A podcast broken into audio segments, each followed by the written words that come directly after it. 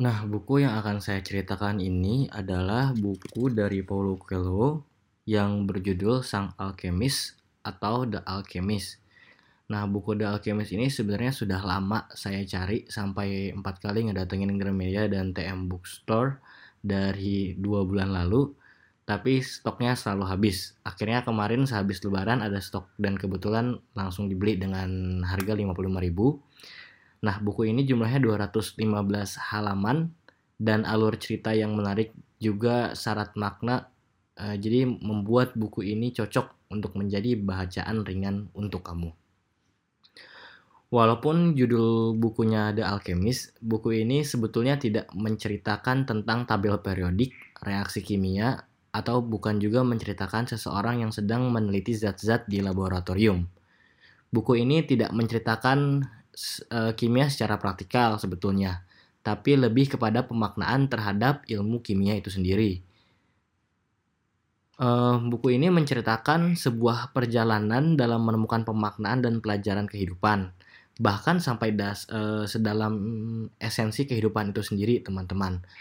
Namun bahasan mengenai partikel-partikel dan interaksi antar atom bukannya nihil ya, bukannya nggak ada dalam buku ini, tapi ada dan mem memang memegang peran yang lumayan besar dalam jalannya cerita.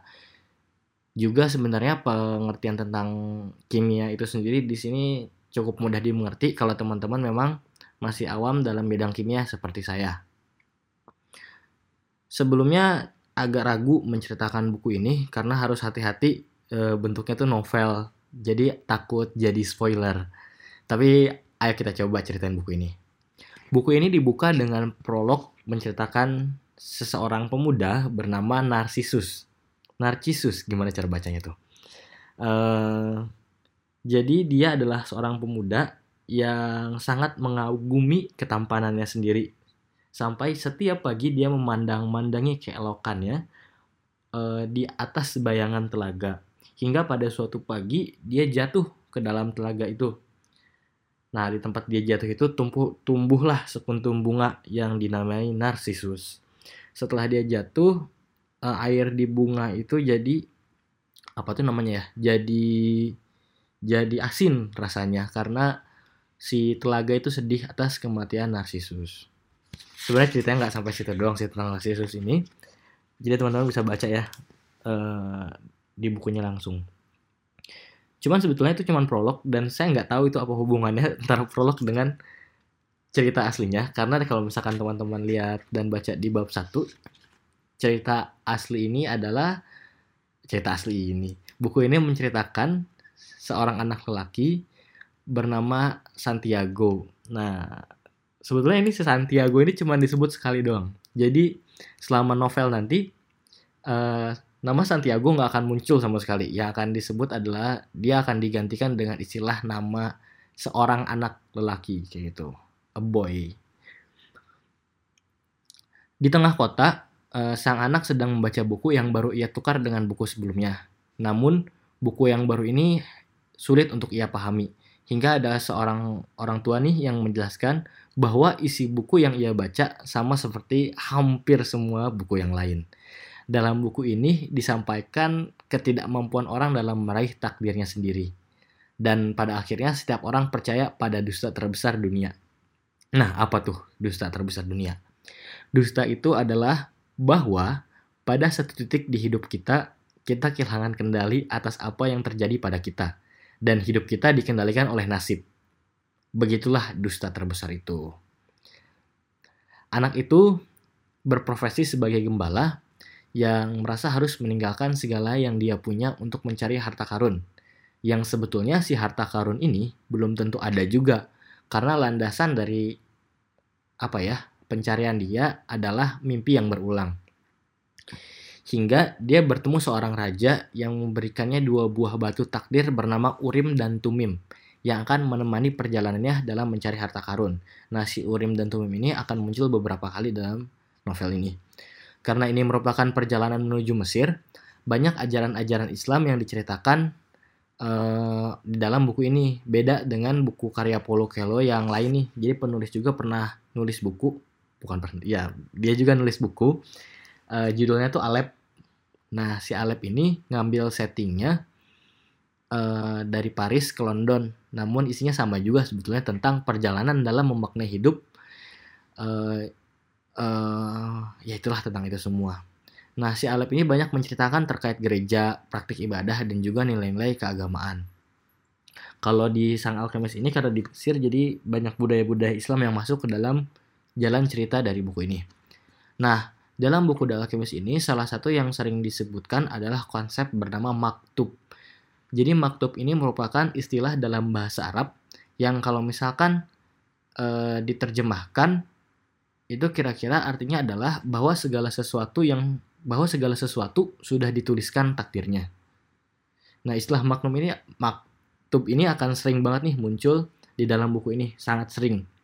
Dan praktik-praktik dan penerapannya juga uh, cukup apa ya cukup mengajarkan banyak hal bagi saya yang membaca kayak gitu uh, dan juga sebetulnya ada beberapa nilai lain yang ditanamkan dalam buku ini contohnya adalah kalau kita sangat menginginkan sesuatu maka seluruh jagat raya akan membantu kita mewujudkannya juga ada satu konsep menarik uh, terkait kematian bahwa mati sekarang ataupun mati nanti sama saja. Jadi jangan pernah takut mati saat mengejar apa yang kita inginkan. Sebetulnya bagian yang paling saya suka dalam buku ini yaitu eh, bagaimana buku ini mengajarkan manajemen kolbu atau manajemen jiwa.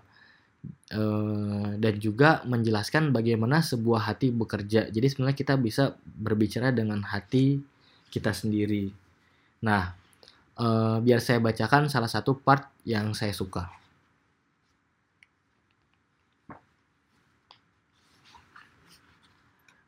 Sebab sebutir pasir merupakan bagian dari penciptaan, dan alam semesta ini memerlukan waktu jutaan tahun untuk menciptakannya. Setiap orang di bumi memiliki harta karun untuk menanti-nantinya. Hatinya berkata, "Kami, hati manusia, jarang banyak bersuara mengenai harta itu. Sebab orang-orang tidak lagi hendak mencarinya. Hanya kepada anak-anak kami bicara.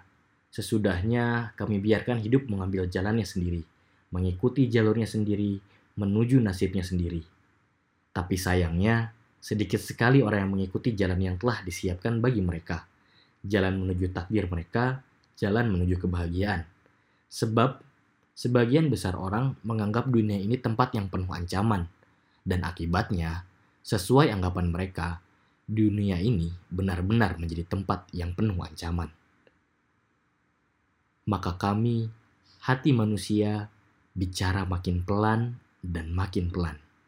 Kami tak pernah berhenti bicara, tapi kami mulai berharap perkataan kami tidak terdengar. Kami tak ingin orang-orang menderita karena mereka tidak mengikuti suara hati mereka. Sang anak bertanya, mengapa hati manusia tidak menyuruh mereka terus mengejar impian-impian mereka? Lalu sang alkemis menjawab, Sebab itu akan membuat hati sangat menderita, dan hati tidak suka menderita. Nah, menarik sekali kan teman-teman sebetulnya ceritanya. Ini sebenarnya dapat ditemukan dalam kehidupan kita sehari-hari, seperti pekerjaan-pekerjaan kita, atau aktivitas-aktivitas rutin kita yang mungkin menciptakan rut menciptakan uh, pola berulang dalam kehidupan kita sehari-hari dan membuat kita melupakan apa sih mimpi kita sebetulnya dan beranikah kita mewujudkan mimpi tersebut. Nah, untuk mengikuti bagaimana petualangan menembus padang pasir ini tentang cinta yang ditinggalkan, pengorbanan, keikhlasan, dan juga keberanian, silahkan teman-teman beli atau teman-teman baca langsung bukunya. Sekian, Sampai ketemu di ceritain bukumu selanjutnya. Assalamualaikum warahmatullahi wabarakatuh.